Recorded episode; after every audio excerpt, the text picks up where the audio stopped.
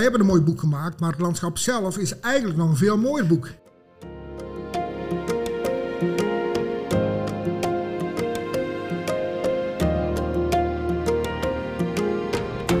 Hey, leuk dat je luistert naar Toekomst voor Natuur, aflevering 53. De podcast met spraakmakende verhalen over natuur en natuurbescherming in de lage landen. Het landschap van de leembossen, de vloeiweiden, watermolens en beemden. Ook het landschap van gevechten tegen het water, van rivaliserende kasteelheren en van Norbertijnen en Kartuizers die een winstgevende vondst doen. Ik ben Antoni Stip en in deze aflevering duiken we in de geheimen van het stroomgebied van de Dommel. Dat is een landschap in het midden van Noord-Brabant en het noordelijk deel van Vlaanderen. Vorig jaar verscheen er een kloeke landschapsbiografie over het Dommellandschap. En in deze aflevering spreek ik met twee van de redacteuren en auteurs van dit boek. En dat zijn Ger van der Noetelaar. En Ger is in het dagelijks leven werkzaam bij ARC Rewilding Nederland. En hij is auteur van talloze publicaties en als tweede ook Jan van der Straten, milieueconoom, natuurbeschermer en auteur van ook heel veel boeken. En voorzitter van de stichting Saxifraga, een netwerk, Europees netwerk van natuurfotografen. Ger en Jan, van harte welkom in Toekomst voor Natuur. Dank je wel. Ja. Dank je. jullie hebben allebei echt een lange en indrukwekkende staat van dienst als het gaat om natuur in Nederland en zeker ook natuur in Noord-Brabant. Ik ben wel nieuwsgierig, wat drijft jullie? Ja, ja, natuurlijk is het een uh, lange staat van dienst in ieder geval. Ik heb veel dingen gedaan, maar we zijn vooral bezig met dingen die nog gedaan moeten worden. En die opgave is nog veel en veel en veel groter. Ja. En dat is toch uh, waar ja, ik op mijn dagelijks werk bezig ben. Je probeert uh, wel het, dat prachtige Brabantse landschap op een nog meer biodiverse manier over te dragen naar de toekomst. En dat is een, een grote zorg. En dan zijn er stapjes die we zetten. En uh, een van de belangrijke onderdelen is toch kennis te laten nemen, iedereen, van die basis van dat uh, Brabantse landschap. En dan is de dombiografie wel een, een, een, daarin heel erg belangrijk. Ja. En hoe is dat voor jou, Jan? Ja, voor mij is het een beetje mix, denk ik. ik ben opgegroeid in Gorkum, Abbaswaard, rivier, lingengebied.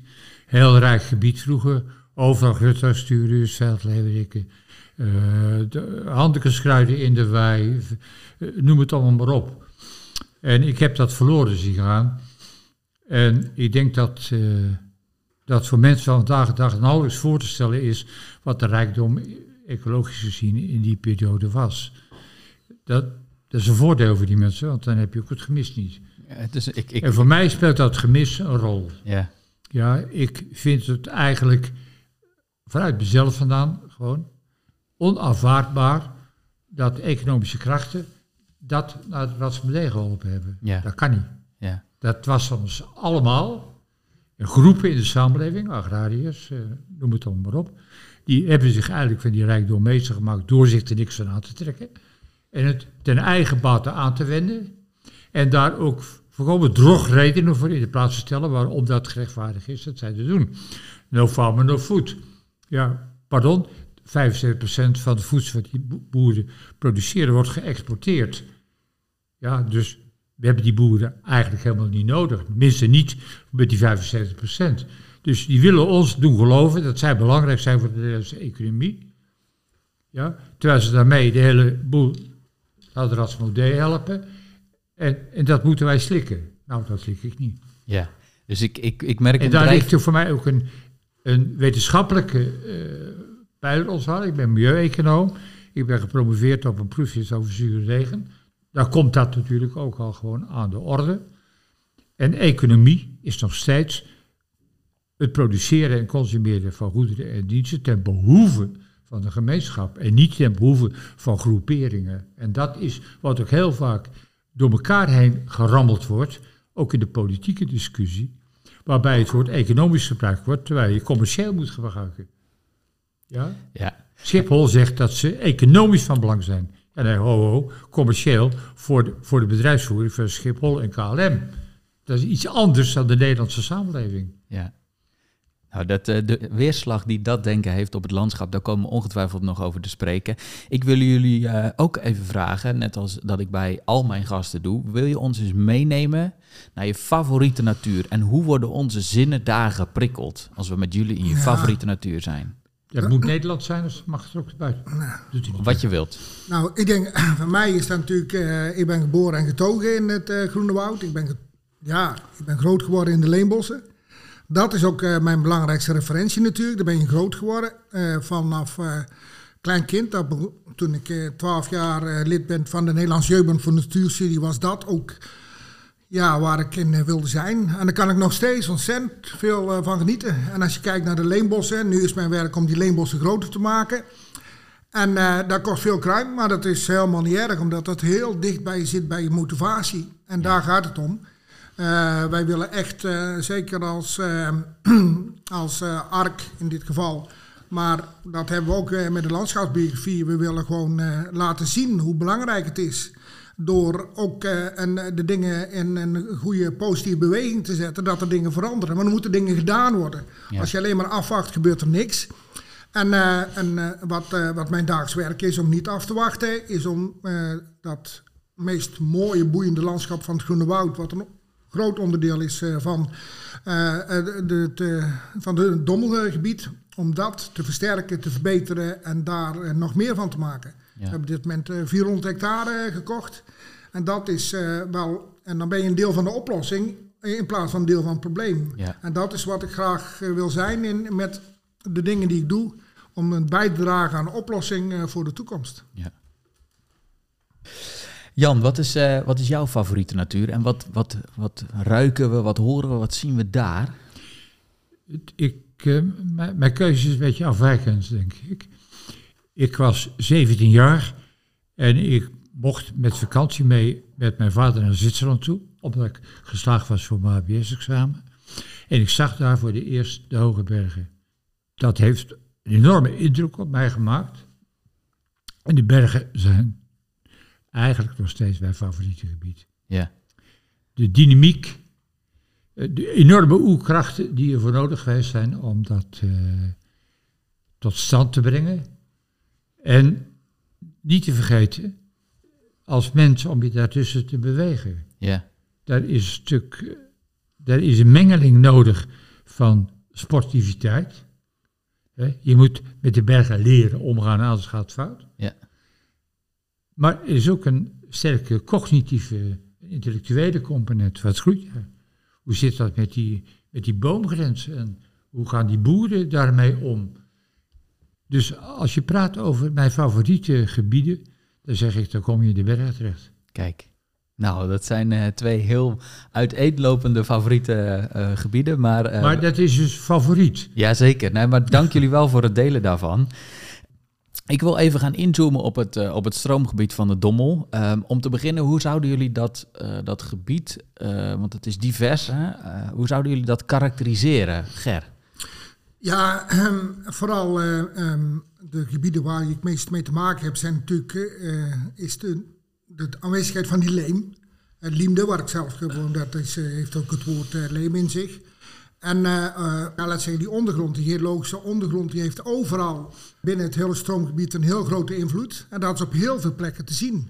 En dat is juist het mooie van eh, de hele stroomgebied. Dat je dus, eh, hoe dat moeder natuur het neergelegd heeft, gemaakt heeft, dat je dat in de bovengrond nog kunt zien. Nou, eh, de mens heeft er wat mee gedaan, maar de natuur heeft er ook erg veel gedaan, mee gedaan. En als je dan kijkt naar bijvoorbeeld de, eh, de dommel tussen Liemde en Sint-Oederode, waar je dus een prachtig stroomdal nog hebt en waar je prachtig, laat zeggen, nog meanders hebt. Alles niet dat zelfs een aantal zijn afgesloten met weer een eigen biodiversiteit en een eigen ontwikkeling. Dat eh, is wel, eh, laat zeggen, wat volgens mij eh, in mijn gevoel ook het hele stroomgebied is. Dus die ondergrond, die, en dan bij, wat heel erg de moeite waard is om te zeggen, dat is, we zitten in een laaglandbeek. We zitten in de meest dichtstbevolkte stuk van Europa. En dat daar nog hele grote stukken redelijk onberoerd zijn. eh, In, eh, als je kijkt naar eh, kanalisatie, dat is heel erg zeldzaam. En het feit dat je daar nog, nu nog kunt zien, dat, is, ja, dat is ook te waarderen dat, dat er dat nog is. Ja. En dat is ook een van de belangrijkste redenen dat we dat in dat boek neer hebben kunnen mogen zetten. Dat we dat nou willen delen. Ja. Ergens in het, boek, in het begin van het boek schrijven jullie Het Dommellandschap is een gebied met ongeveer een derde natuur, een derde agrarisch gebied en een derde stad, dorpen en steden. Is dat ook de... de, de Ja, daar ligt eh, niet echt de motivatie in. Ik ben natuurlijk echt iemand van eh, het eh, donkergroene gebied, zal ik maar zeggen. Daar ligt mijn motivatie. En Ja. die moet je hebben om daadwerkelijk iets daarmee te doen als vrijwilliger. Want we hebben het allemaal als vrijwilliger gedaan. Ja, En daar is, ben ik natuurlijk wel heel erg doorgeboeid. En daar, ik wil graag dat landschap eh, leren lezen. En ik wil graag dat andere mensen dat ook zien, dat landschap, om dat te leren lezen. Omdat, hoe is dat, eh, heeft dat te maken met de geschiedenis? Eh, en hoe is, heeft dat te maken met de onderliggende geologie?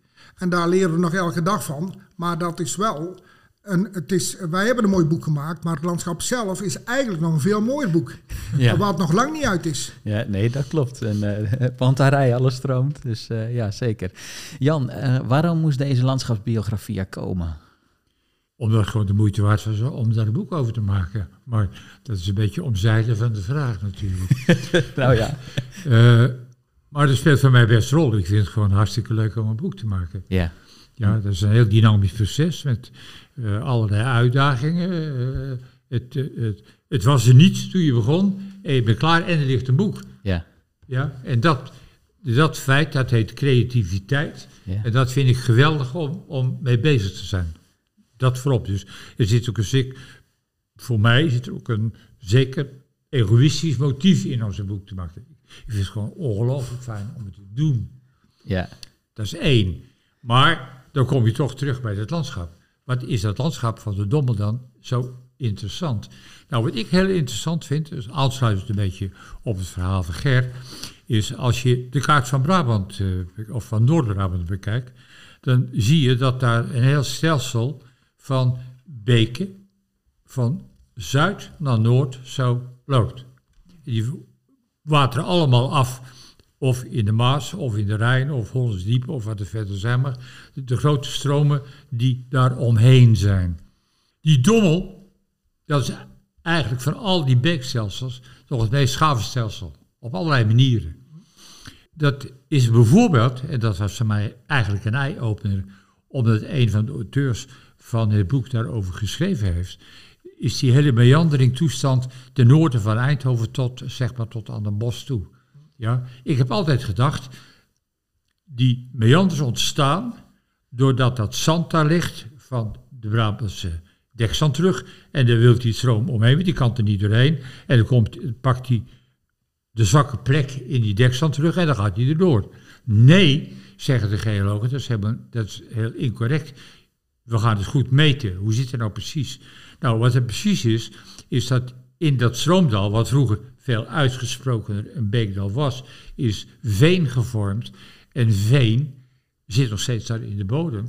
En heeft een grotere weerstand tegen erosie dan zand. Dus die meandering is niet door het zand ontstaan, maar door het veen. Ja, Eh, Dat is een hele bizarre conclusie in feite. Want als je van tevoren begint en je zou iemand vragen... eh, wat is nou belangrijk bij Dommel, veen of zand? Dan zal iedereen zeggen zand. Ding loopt door zand heen. Nee, zegt de geoloog, dat moet je toch maar eens een keer goed gaan kijken. Nou, dit soort ontdekkingen in zo'n proces, in zo'n stroomgebied, en zo zijn er vele te noemen, ja, dat, dat zijn de leuke dingen. Die maken een gebied uniek op zichzelf. Afwijkend, uniek is dat iets afwijkend van iets anders, wat ook interessant is. Dus het kunstje is om waar te nemen wat je ziet en te concluderen waarom het is zoals het is. Ja, En dat is voor mij, in heel mijn, mijn loopbaan die ik gehad heb, altijd weer het punt geweest. Wat zie ik? Waar komt het vandaan? Hoe gebeurt het? Eh, welke oorzaken zijn daar? Welke conclusies kan je trekken? Kan dat nog een keer gebeuren? Dus het is toch de menselijke nieuwsgierigheid die mij altijd weer drijft om met dat soort dingen bezig te zijn. ja, mooi.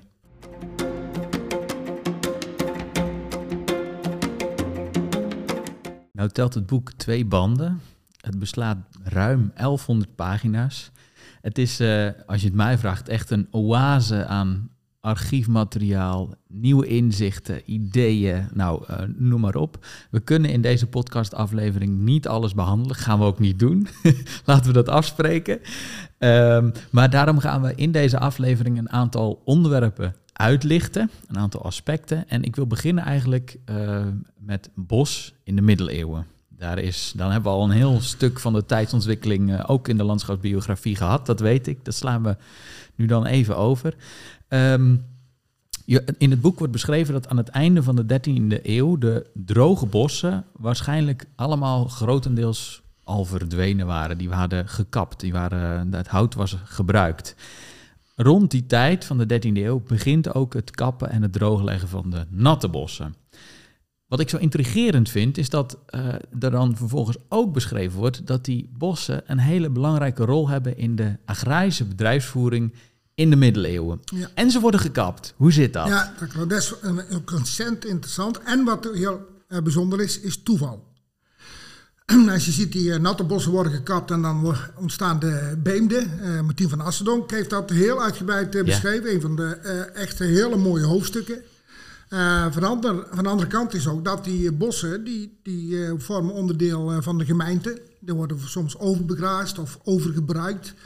Ehm, en dan zie je plotseling in de 15e eeuw dat uh, de Kartuizers, hè, die ook heel duidelijk beschreven worden, die, krijgen, die willen in de, aan de Dommel een klooster vestigen. En die krijgen allemaal goederen van rijke katholieken. Nou, dat klooster kan in stand blijven doordat ze opbrengst hebben uit die grote eigendommen van die particulieren. Hebben ze geschonken gekregen.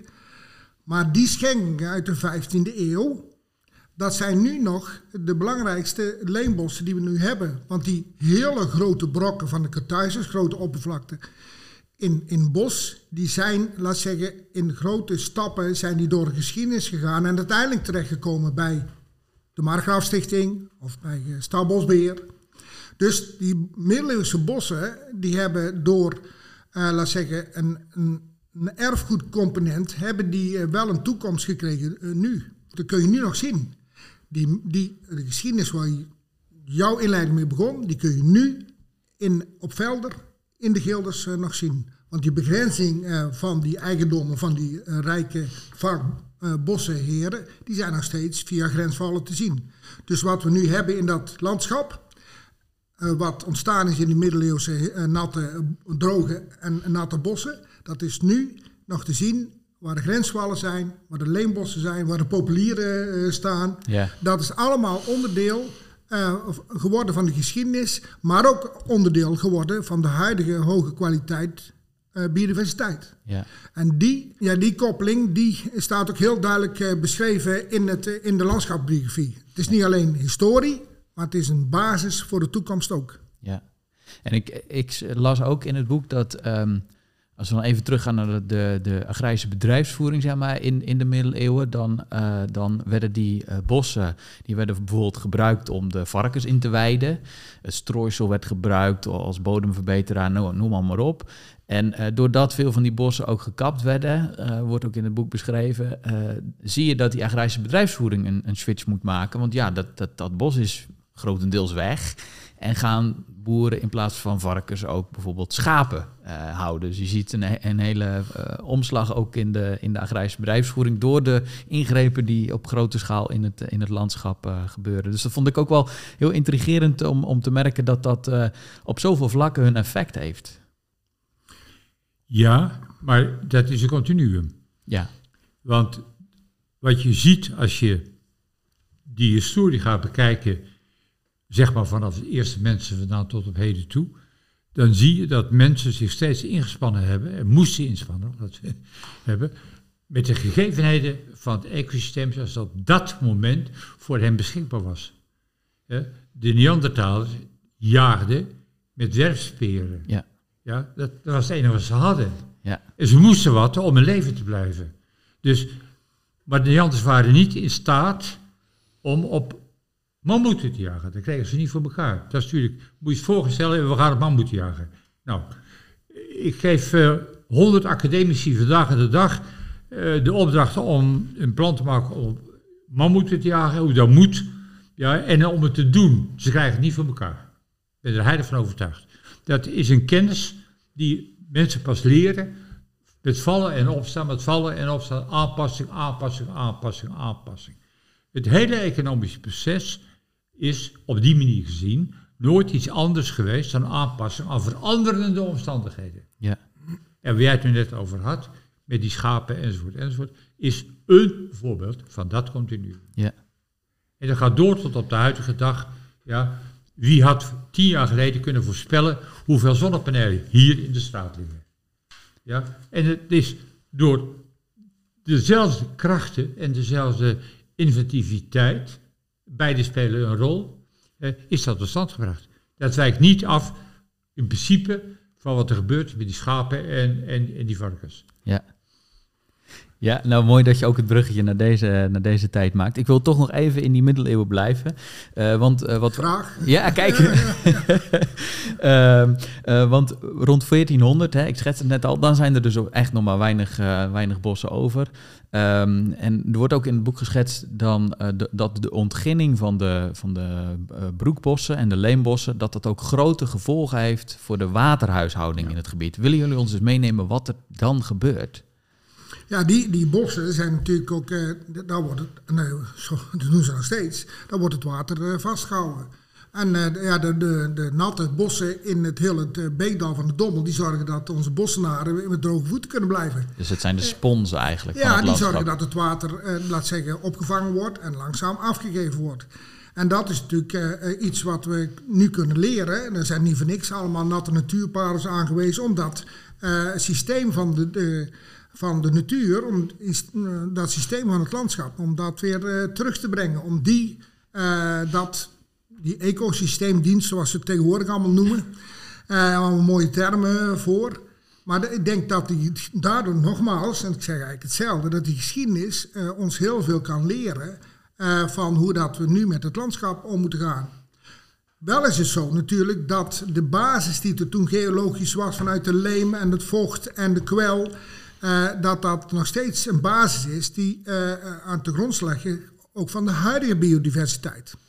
Eh, dus op het moment dat je dus eh, wilt terug naar de biodiversiteit die er in de middeleeuwen zou kunnen zijn, of was, dan hebben we geen onderzoek eh, gedaan, behalve dat we pollenkorrels en zo vinden, is dat, dat je daar, laat zeggen, die voorwaarden, daar moet je naar terug. En dan zie je bijvoorbeeld naar, als je kijkt, we hebben een fladderriep. Dat is een, een, de mooiste boom van Nederland. En dan moet je maar eens kijken van hoe dat oude fladderriepen eruit zien. Maar die zijn eh, door eh, menselijk ingrijpen in, eh, in ons gebied grotendeels verdwenen. Terwijl ze heel erg thuis horen bij dat hele natte leemsysteem met die hele vochtige bodem. En, en ja, dat is natuurlijk wel, dan moet je wel weten dat, dat, ja, dat je zuinig moet zijn op die fladderriepen. Dus niet laten overbegrazen op het moment dat, dat die, die, die bomen er zijn. En eh, ja, dat is een van de dingen waar ik mee bezig ben om te zorgen dat eh, in de huidige bossen de fladderriepen weer terugkomen. Ja, ja. Er wordt ook beschreven dat hout een van de belangrijkste grondstoffen was in die tijd. Dat, dat was ook zo. Hè? Er werd de, de, de, de- van alles van. Hout was goud. Ja, nou kijk dat. Jij noemde net al de Norbertijners en de Kartuizers. eh, Die, eh, die, ehm, eh, die gaan eigenlijk eh, houtteelt toepassen, zeg maar. Dat is, ze vinden een nieuw verdienmodel uit, zou je nu met hedendaagse woorden zeggen. Hoe ging dat in zijn werk? Kunnen jullie dat eens even schetsen voor de luisteraars, hoe dat, hoe dat toen ging? Als je kijkt naar waar we meeste onderzoek gedaan hebben, zijn naar de Kartuizers in het Groene Woud natuurlijk. Die hadden heel erg een groot oppervlakte bos. Eh, als je kijkt naar eh, het eh, systeem van het, het hele wa- dan was daar voor weinig andere dingen te doen dan hout te- te telen. Een klooster die heeft geen eind. Dus het klooster heeft ook baat bij wat bomen die opgaand zijn. Dus die ouder worden als 100 jaar. Want het klooster bestaat over 100 jaar ook nog. Dus je ziet dat het klooster heel zuinig is op oude bomen. En zorgt dat er, eh, laat zeggen, een, eh, via kappen, eh, dat heel dat hakhout goed onderhouden wordt. Dat het, dat het dus die denken heel erg op lange termijn. En je ziet dat we zitten zo ontzettend dicht bij Den Bosch. Want ja, Eindhoven stelde toen nog echt helemaal niks voor. Dat kan ongeveer hier binnen doen. Maar dat die in, in Den Bosch was voor alles hout nodig. Voor de bier, voor de warmte, om te koken, wat dan ook. Voor te bouwen, overal was hout nodig. En dan zit je met hele grote, een, een eigenaar met heel veel eigendom aan bos die ook nog eens een keer kan leveren.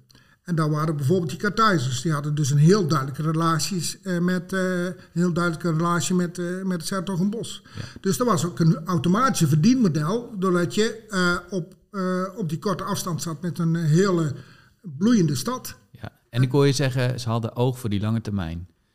Ja, maar dat was ook, Jan gebruikte net het woord egoïstisch, eh, eh, maar dat is ook eh, van hun, vooral hun eigen belang. Ja. Want eh, v- over 100 jaar moest een schuur gebouwd worden en hout was goud. Dat was echt was heel duur. Dus op het moment dat je zelf hout kon leveren, dan was dat natuurlijk eh, van groot belang. Dus dat, dat lange termijn hout, dat was gewoon onderdeel van het hele proces. En Ja.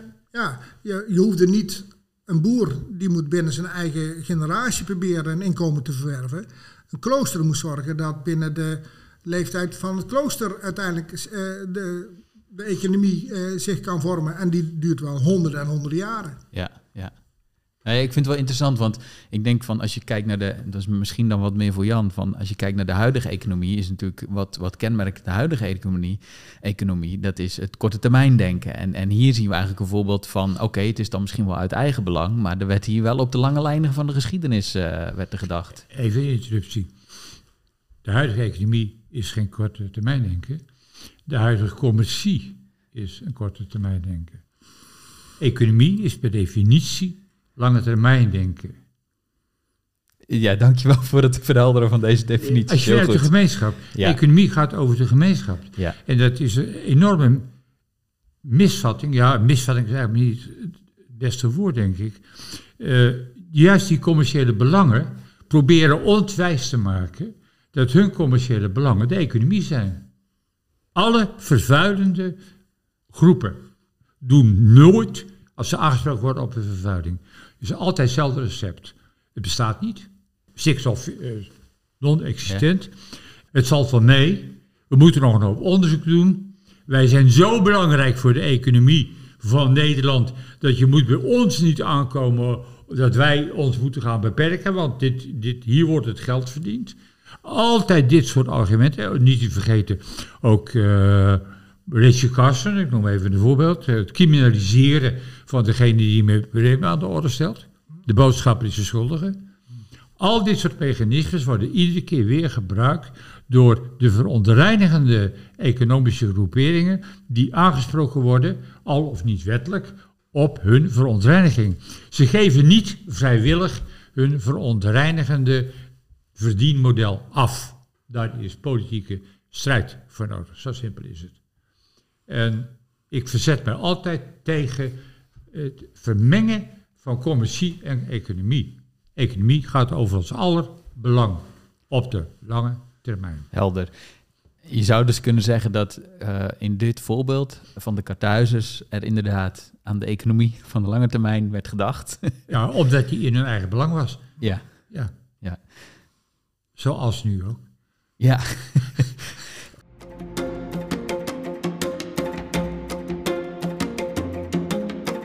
ik, wil, ik wil nu met jullie inzoomen op een, op een ander verschijnsel wat naar mijn oordeel wel kenmerkend is voor het dommelandschap. Het kwam ook in andere landschappen voor, maar jullie hebben het in ieder geval in de biografie uh, redelijk uitvoerig beschreven.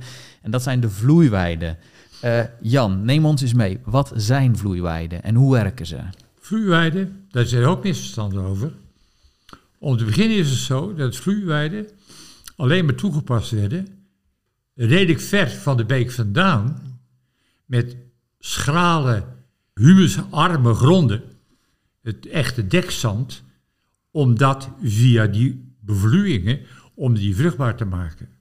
De, de beekdalen zelf hadden veel veenafzettingen, ja, waren nat, waren vruchtbaar, humusrijk, ja, en die hoefden geen bevloeiing te hebben. En dat is een misstand wat je heel erg vaak tegenkomt. Ja, nu zijn er eigenlijk twee soorten bevloeiingen. De ene is de vloeiweide zoals die van oudsher in het beeklandschap voortkwam.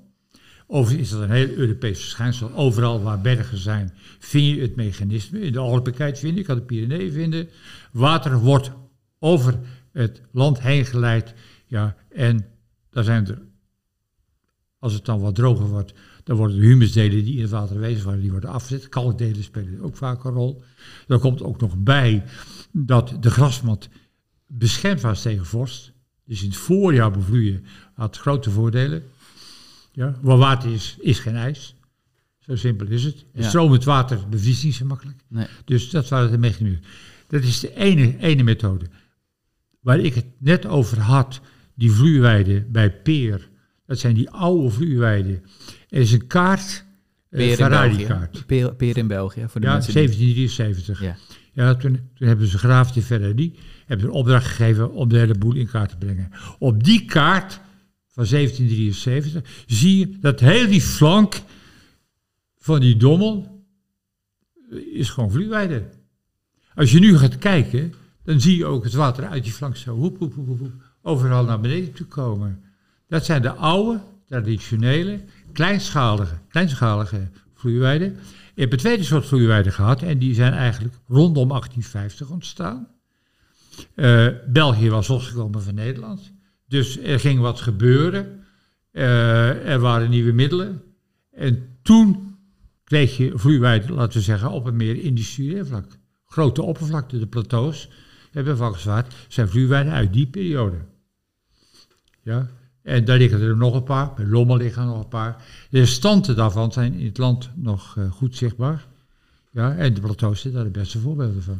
En zo- is het een praktijk die nu nog steeds eh, toegepast wordt? Nee, hij is eigenlijk rondom 1900 al in, in slop geraakt. En hoe kwam dat? Bij die vloeiweiden heb je parallele slootjes waar het water afgevoerd wordt en aangevoerd wordt.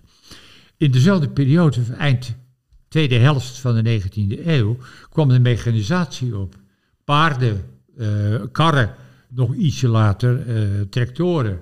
Nou, manoeuvreren met een kar en een paard in dat kleinschalige landschap, waar eigenlijk alleen maar met de, met, met de zeis gemaaid werd, van huis uit, Ja. ja, d- dat ging niet. Nee. Dus die vloeiweiden die kwamen eigenlijk rondom 1900 in botsing met de belangen of de mogelijkheden die zich zodanig hadden uitgebreid voor boeren, dat ze eigenlijk helemaal geen zin meer hadden in die vloeiweiden. Die waren arbeidsintensief geworden. Die uitstoot van arbeid is rondom 1850 begonnen in de agrarische sector. Die ligt veel vroeger veel mensen denken. Ja. En dat betekent dat er daarvoor mechanische arbeid in de plaats kwam die in die vloeiweide eigenlijk geen plek had. Dus je ziet eigenlijk dat vanaf 1900 al die grootschalige vloeiweiden volledig eh, ja, eh, niet meer in gebruik waren. En daarmee de ook ten prooi vielen aan natuurlijk van alles en nog wat. Vandaar dat er nog maar een paar zijn overgebleven. Ja. Je- beschrijft ook dat er ehm, de staatgedreven aanpak, zeg maar, die, Ja, die, eh, die, Die was die- sterk hoor in die tijd. maar die mislukte ook, hè? In België ligt een heel oud systeem, ja, bij Lommel. Ja, en dat is 1853 is we daarmee begonnen. Als je ziet, ziet hoe dat, dat gebeurt. Grootse plannen, ja, 10.000 hectare. Ja, eh, een jaar later, ja, het wordt toch 5.000. En steeds verder gaat men terug. Dus je ziet dan eigenlijk al het betonrot in het verhaal komen. Ja. Het waren plannen die ook al niet Die, meer aansloten bij niet, de, niet meer uitvoerbaar waren. de economische En- werkelijkheid. Het mooie van Lommel is, tenminste mooi, wat je zegt, interessante van Lommel is, dat al die verschillende elementen zijn allemaal zichtbaar. Boeren zijn van overal neergelegd, zijn in boerderijen neergezet. Die, dat, die linten van die boerderijen, die, die, zijn allemaal hetzelfde. En die, die kan je nog zo bekijken. Die boerderijen bij 1853, allemaal drie paardenkastanjes voor de deur gekregen. Die paardenkastanjes kan je nog aanwijzen. Kijk, ja, mooi. Dat is leuk aan zo'n landschap. Ja. Maar het is wel één grote mislukking geworden. Ja. Jullie beschrijven ook dat er in de 20e eeuw enorm veel veranderde in het landschap. Nou veranderde altijd veel, maar het ging hier vooral ook heel snel. In korte tijd veranderde er heel veel. Ik wil even stilstaan bij een eh, sociaal aspect daarvan, namelijk de opkomst van het coöperatieve gedachtegoed. Want daar wijden jullie ook een aantal eh, Ja. woorden aan.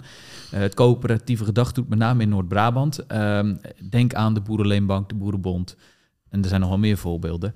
Hoe komt het dat nou juist in onder andere het landschap van de Dommel... dat coöperatieve gedachtegoed ehm, ja, zijn plek vindt eigenlijk? Ja, ik denk dat dat uh, alles uh, te maken heeft met dat er heel erg uh, veel behoefte was om samen iets te doen. Het was zeker in het, in het gebied waar ik vandaan kom een, een arm landschap. dus alleen maar door samenwerking kon je laat zeggen, naar, de, naar de toekomst gaan.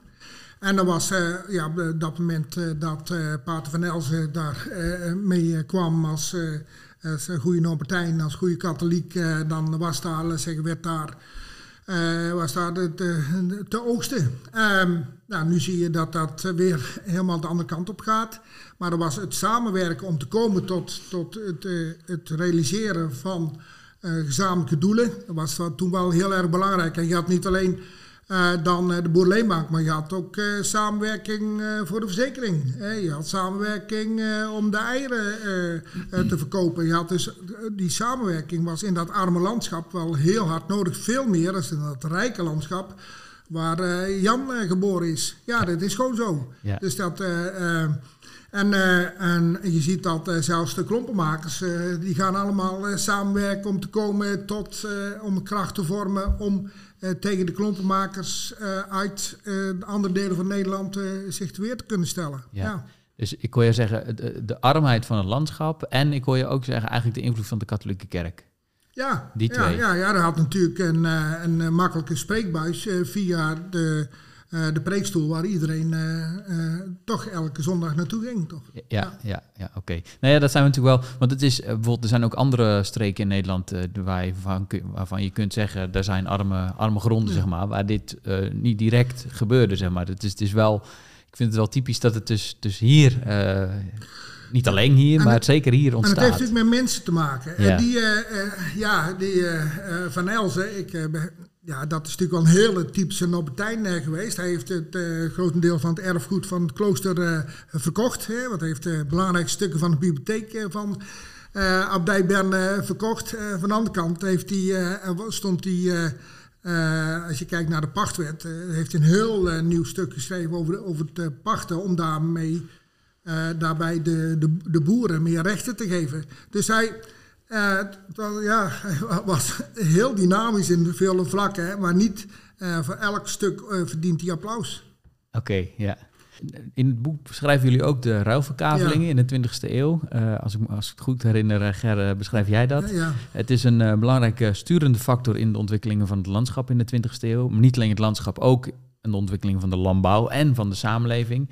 Je beschrijft verschillende casussen Ger, uh, van, van hoe dat werd aangepakt. En uh, je beschrijft ook dat er, een, dat er een ontwikkeling in zat, zeg maar. Um, ja, er zit een heel duidelijke ontwikkeling in. En ja, dat is natuurlijk, als je, als je lange termijn denkt, uh, dan moet je niet aan rouwverkaveling denken. Want er is geen één die lange termijn zaken opgelost heeft. In mijn, ik zou geen voorbeeld kunnen noemen. Hè. In het stroomgebied nee, van de Dommel? niet alleen het stroomgebied. Ik ben nu samen met anderen een boek aan het maken over de mooiste boerderijen van van Vechel. Nou, daar is ook zo'n hele ouderwetse ruilverkaveling, een beetje vergelijk met Oorschot Best. Daar, in heel Vechel, is geen stuk aan te wijzen uh, waar je nog het oorspronkelijke landschap kunt zien. Heel, en dat geldt voor Oorschot Best grotendeels ook, dat de, de geschiedenis van het landschap...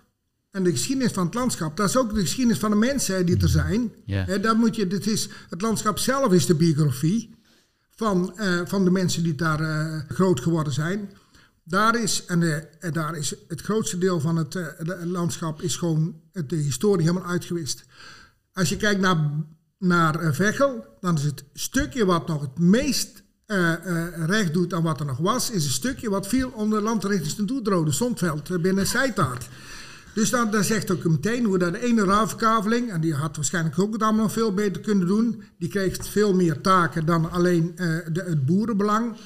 Die van Sint-Oederode. Die van Sint-Oederode. En Maar wat, wat het ook duidelijk is, en dat merk ik nu in mijn dagelijkse werk, wij doen veel kaverruilen met boeren. Je ziet dat uh, uh, ook voor de boeren die nu nog een, een, de toekomst in willen, is die, is die ruilverkaveling die geweest is, of dat nou Oorschot Best is of Sint-Oederode, geen oplossing geworden. Want? omdat uiteindelijk de maatschappelijke vragen of economische vragen weer nieuwe zijn. Er moet nog meer, nog beter, nog uh, rationeler.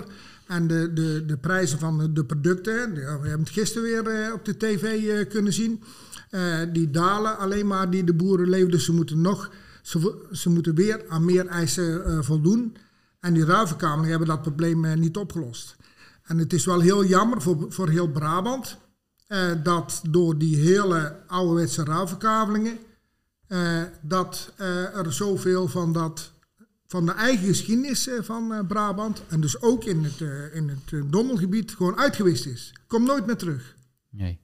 En, en hoe gebruik je dat nu in je werk? Want je zei al van we zijn nu ook bezig met, met, met kavelrouw met boeren.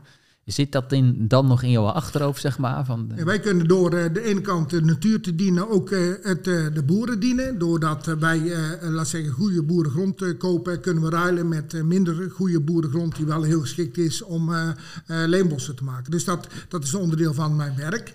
Dat is, maar dat gaat allemaal op een vrijwillige manier. En uh, met de ruilverkamer, die waren dan, laat zeggen, van bovenaf uh, had je dus uiteindelijk een, was opgelegd en werd uit uh, wet, ja, moest via de, de wet werd dat geregeld.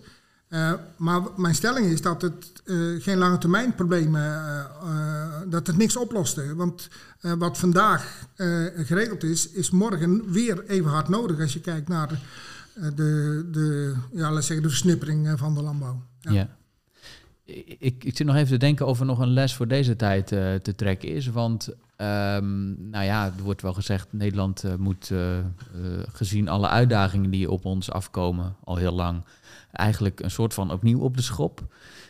ik vermoed niet dat er weer ruilverkavelingen komen, maar er zal van alles veranderen in het landschap. Kunnen we hier nog dingen uit leren, die ook jullie beschreven hebben in de landschapsbiografie, rondom die ruilverkavelingen bijvoorbeeld?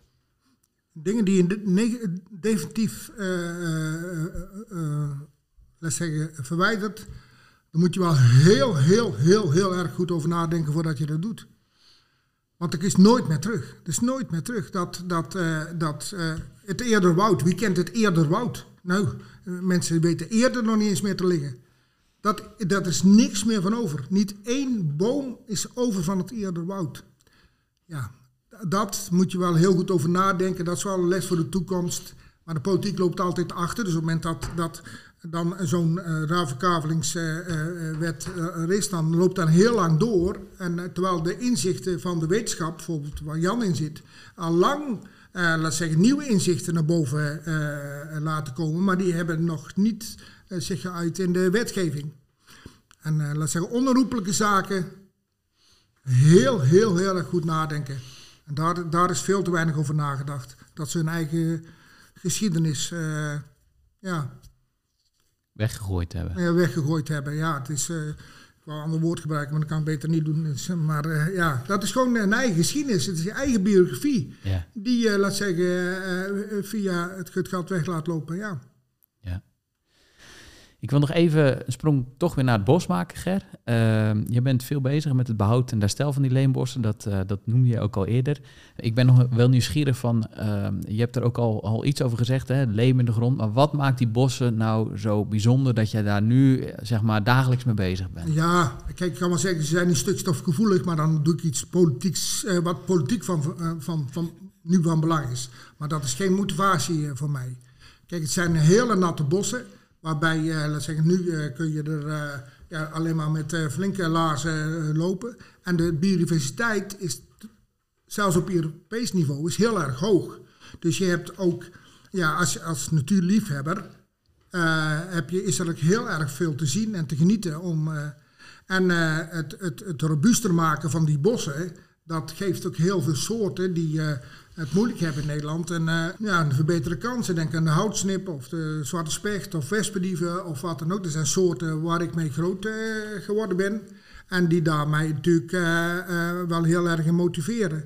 Maar als je kijkt naar Nederland, dan zijn de leenbossen de, behoren tot de meest biodiverse bossen die we hebben. En wat wij doen, zijn die meer van die bossen maken en de huidige bossen vergroten, zodat er de soorten die van nature thuis horen, dat die een betere plek hebben. Ja.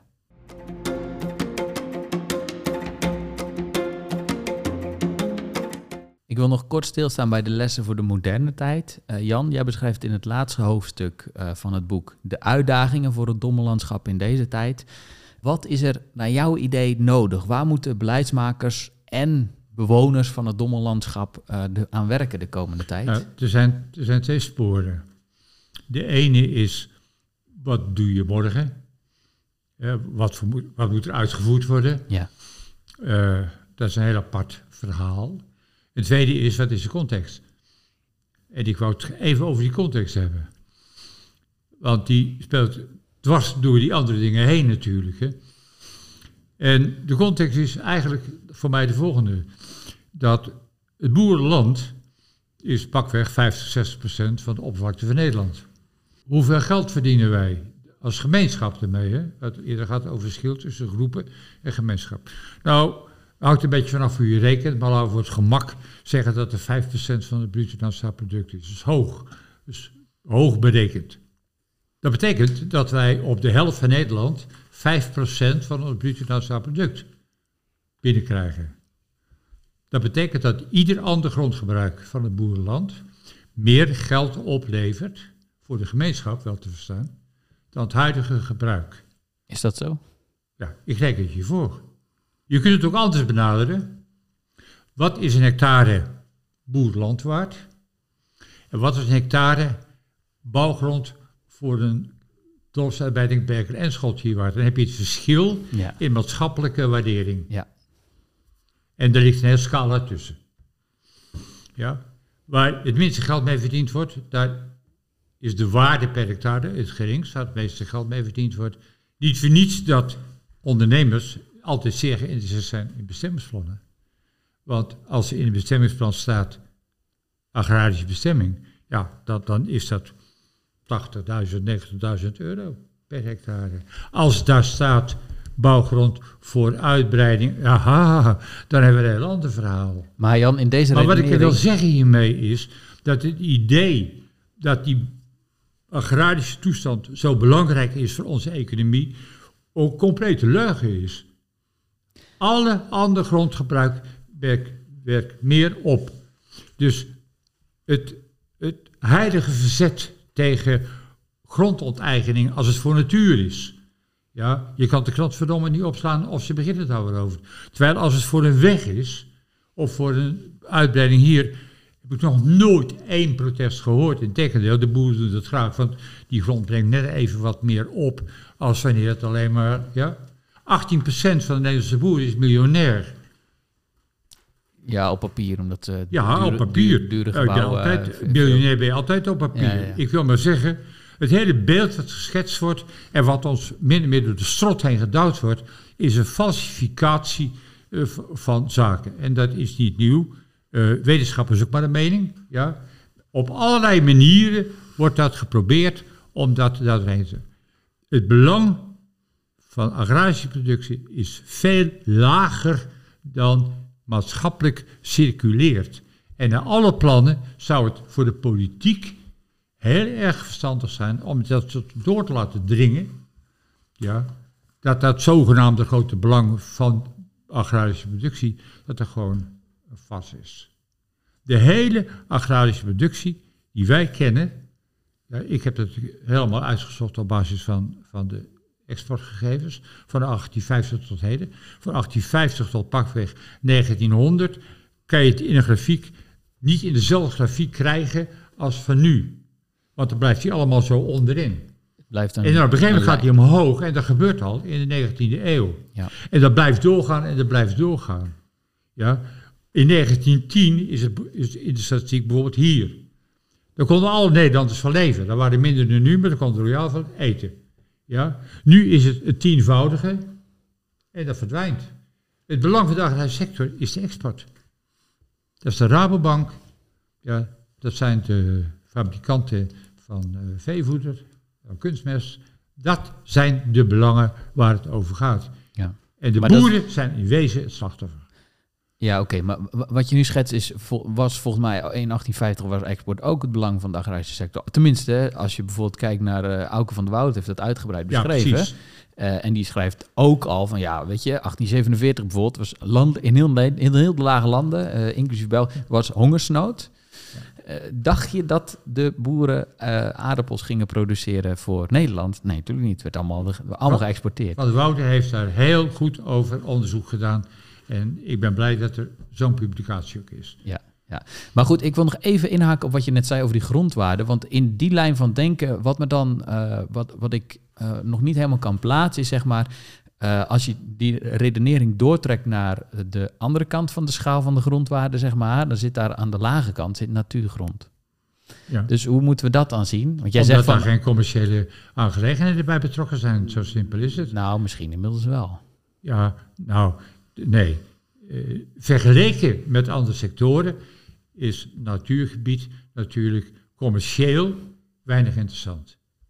Ik verzet mij dan ook tegen veel hedendaagse publicaties. Wij moeten uitrekenen wat de natuur ons allemaal opbrengt, ecosysteemdiensten. Ja. Er wordt er altijd worden er die bijen voor de bestuiving eh ten tonele gevoerd. Nou, er zijn vier, en als je goed rekent, royaal rekent, zijn er vijf soorten bijen die voor de bestuiving zorgen. Wij hebben 384 soorten bijen, dus in die redenering zijn 379 bijsoorten volledig vrij. Want die zijn die economisch niet belangrijk. Ja? Dus de redenering dat natuur ons geld moet opbrengen en dat daarom moet gebeuren, vind ik als milieu-econoom een droge redenering. Het gaat over de intrinsieke waarde van de natuur, over de intrinsieke waarde van soorten, de intrinsieke waarde van ecosysteem. Er komt bij, ik wil het even onderbouwen, ook naar, naar de politiek toe, dat wij in 1992 het verdrag in zaken de biodiversiteit ondertekend hebben. Ja. Waarin staat dat de regeringen beschermen soorten, ont, variatiesoorten, ondersoorten, ja, en ecosystemen. Leefgebieden, ja. En het eerste, als het over biodiversiteit gaat, gaat het altijd over die soorten en niet over die ecosystemen. Ja. Dat vind ik een grote tekortkoming, want die ecosystemen zijn ongelooflijk belangrijk. Het verhaal wat Gert net vertelt over de samenhang in, in dat gebied, in dat, dat is het ecosysteem in die leenbossen. En dat ecosysteem zorgt voor een bepaalde biodiversiteit in soorten gemeten. Ja. Maar het, het ecosysteem is, Is de kern van het verhaal. Precies, ja. Ja? En het probleem is dat de grutto's zijn van Sovon. En de plantjes zijn van Floron. Ja? En de padden zijn van Ravon. En wie is nou dat landschap? Eh, ja, ja. ja eh, Landschap NL, zeggen ze dan. in het landschap zijn de ecosystemen. Ja. ja. Eh, Kunnen we nog even het bruggetje slaan naar, hè, met, deze, met deze blik naar het dommellandschap? Je zegt, dit is de context. Wat betekent het voor het dommellandschap? Voor het domlandschap betekent het dat er in mijn ogen, als je dat goed wil doen, dan moet je bufferzones maken langs de beken van zeker 100 meter, 200 meter aan beide kanten. Overigens, ik ben niet de enige die daarvoor pleit. Bij de waterschappen is daar onderhand ook aardig wat eh, dingen. Maar je moet je goed realiseren, als je dat gaat doen, dan praat je over enorme grote oppervlaktes. Ja. En dat zou voor de kwaliteit van het water zou dat, eh, een groot, eh, sprong vooruit zijn. Ja. En dat is heel erg belangrijk, omdat wij met de kaderrichtlijn water, eh, moeten wij met het water voor de dokter binnenkort. Ja, en dat staat er niet zo mooi voor. Nee. Ja, dus als wij, en dan krijgen we weer hetzelfde gesodemieter als met de stikstof. Ja, bepaalde economische activiteiten die niet uitgevoerd kunnen worden omdat ze tot waterverontreiniging leiden. En in strijd zijn met de kaderrichtlijn water. En dan krijgen we hetzelfde gedoe weer van, ja, ja, ja, ja, ja. dat moet, ja. Die dingen, die internationale overeenkomsten, die moeten maar eens een keer serieus genomen worden in de Nederlandse politiek. We hebben onze handtekeningen ervan gezet. Dat geldt overigens ook voor de stikstof. Hetzelfde waar aan een pak. En het is niet iets als Brussel. In Brussel zijn de leiders van de 27 landen bij elkaar. En die zijn democratisch gekozen. En die komen democratisch tot een besluit waar ze ook samen voor verantwoordelijk zijn. Helder, ja.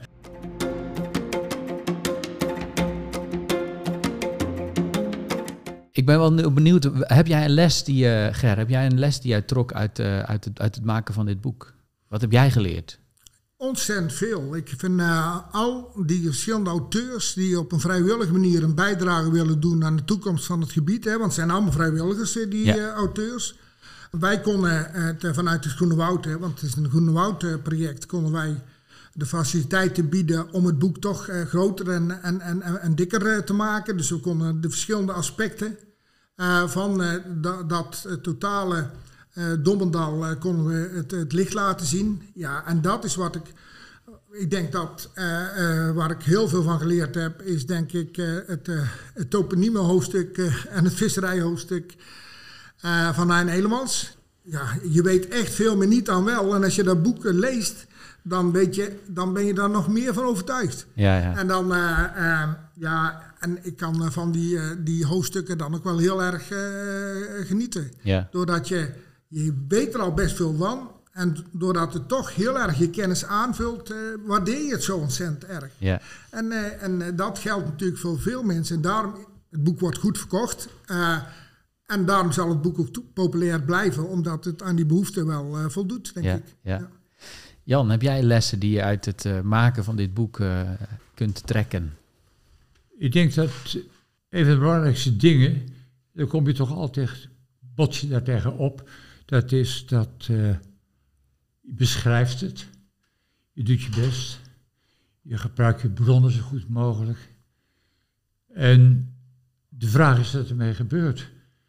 En dan vooral in de besluitvorming. Ja, En daar ben ik toch nogal ja, pessimistisch, wil ik niet zeggen, want dat is mijn aard gewoon niet. Maar daar moet nog heel veel gebeuren. ja, Er vindt op het ogenblik een formatie plaats.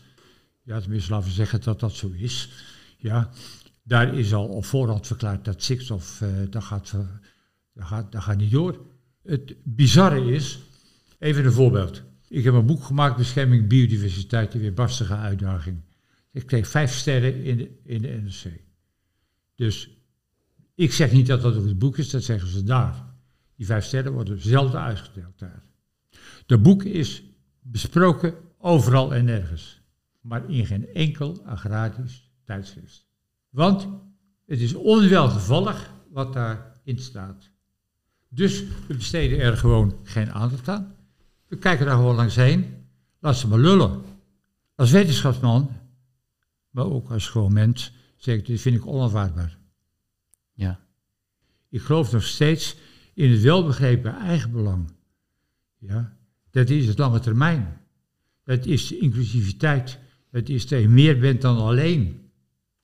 Ja, en de conclusie voor mij na zo'n boek is, we kunnen niet lang genoeg hiermee bezig, mee bezig zijn. We moeten steeds weer doorgaan om dat toch op de manier aan de orde stellen als het hoort. Als het moet. Nog even een punt op het vorige punt. Dat is dat, hoe optimistisch ben je dat het veranderen kan? Nou, de, als de besluitvorming verandert, dan kan het veranderen. We hoeven eigenlijk in Nederland alleen maar tot uitvoering te brengen waar we onszelf toe verplicht hebben. Als we alle verdragen die wij ondertekend hebben van waterverontreiniging, luchtverontreiniging, noem het hele, de boel maar op. Ja, als we die gewoon gaan uitvoeren, krijg je fantastische natuur.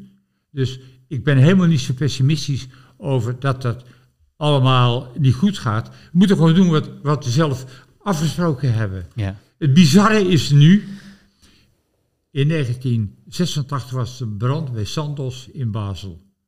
Chemische fabriek. De hele chemische rotzooi ging de Rijn in. De Rijn werd verontreinigd over 200 kilometer. Geen enkel leven meer. Drinkwatervoorziening stopgezet. Was echt een ecologische ramp van het zuiverste water. De Rijn-Oeverstaten zeiden toen, dit gaat nooit meer gebeuren. Nu is het Rijnwater schoner dan het water van de Dommel. schoner dan het water van de Dommel, oké. Ja, is zo. Ja, oftewel, als, als, als landen willen, dan... dan, dan, dan En die Rijn loopt door de industriegebieden van Frankrijk heen, van Zwitserland heen, van Duitsland heen. Het hele doelgebied watert daarop af. Het water van de Rijn, wat in Nederland binnenkomt, is schoner dan van de Dom. Maar bij Hoek van Holland is het weer vuiler als dat bij Lobit binnenkwam. Ja, dat, dat is de manier waarop wij in Nederland de politiek bedrijven. Wij maken van natuur en milieubelang geen erg belang. Wij doen dat als het zo uitkomt. Ja, helder. Ik wil tenslotte naar een vast onderdeel van de podcast, namelijk de leestip voor de luisteraars. Om te beginnen wil ik als eh, podcastmaker ook een leestip voor de luisteraars meegeven. En dat is deze magnifieke landschapsbiografie. Het stroomgebied van de Dommel, een landschapsbiografie. Zo heet die. We zullen ook een linkje in de beschrijving van de podcastaflevering zetten. Ik ben wel nieuwsgierig, Jan. Heb jij nog een leestip voor de luisteraars? Bernice notenboom. Arctica. mijn biografie van de Noordpool. Kijk, Hier in dit boek kan je lezen wat het belang is van het ecosysteem. Er is waarschijnlijk geen ecosysteem, misschien de oceanen, die zo dominant zijn in wat gevolg is als je het niet goed doet. Ja? Daar gaat dit boek over. En het tweede element is, ja, dat is toch mijn afwijking. Ik eh, ben ervan overtuigd dat uitdagingen voor mensen heel erg eh, belangrijk zijn. En zij is, doet expedities, hier staan ze in beschreven. Ja. Zij is, eh, heeft van alles nog wat gedaan. Ja. Alleen tochten over de ijskap in Groenland. Arctica van Bernitse Notenboom. Dankjewel Jan. En Ger moest deze opname eerder verlaten, maar hij tipt ons een hoofdstuk uit de landschapsbiografie, namelijk hoofdstuk 5.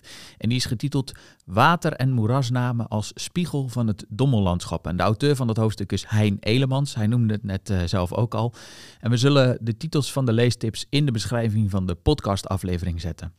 En met deze blik op het grote belang van ecosystemen wereldwijd en ook in het dommellandschap wil ik jullie heel hartelijk bedanken. Ger van den Oetelaar en Jan van der Straten, dank je wel. Graag gedaan.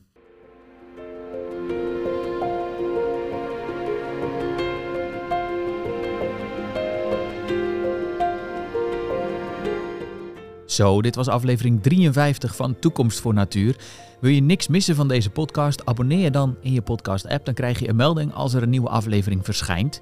En laat ons ook gerust weten wat je van deze aflevering vond. We zijn te vinden op sociale media en je kunt ons ook een eh, berichtje sturen via het welbekende mailadres toekomstvoornatuur.vlinderstichting.nl. En in die volgende aflevering gaan we op expeditie niet naar de Noordpool, maar naar een stadstuin. En ik spreek dan met Renze Borkent over de wonderbaarlijke soortenrijkdom in zijn stadstuin. En ook het grote belang van kleine natuur. Tot de volgende!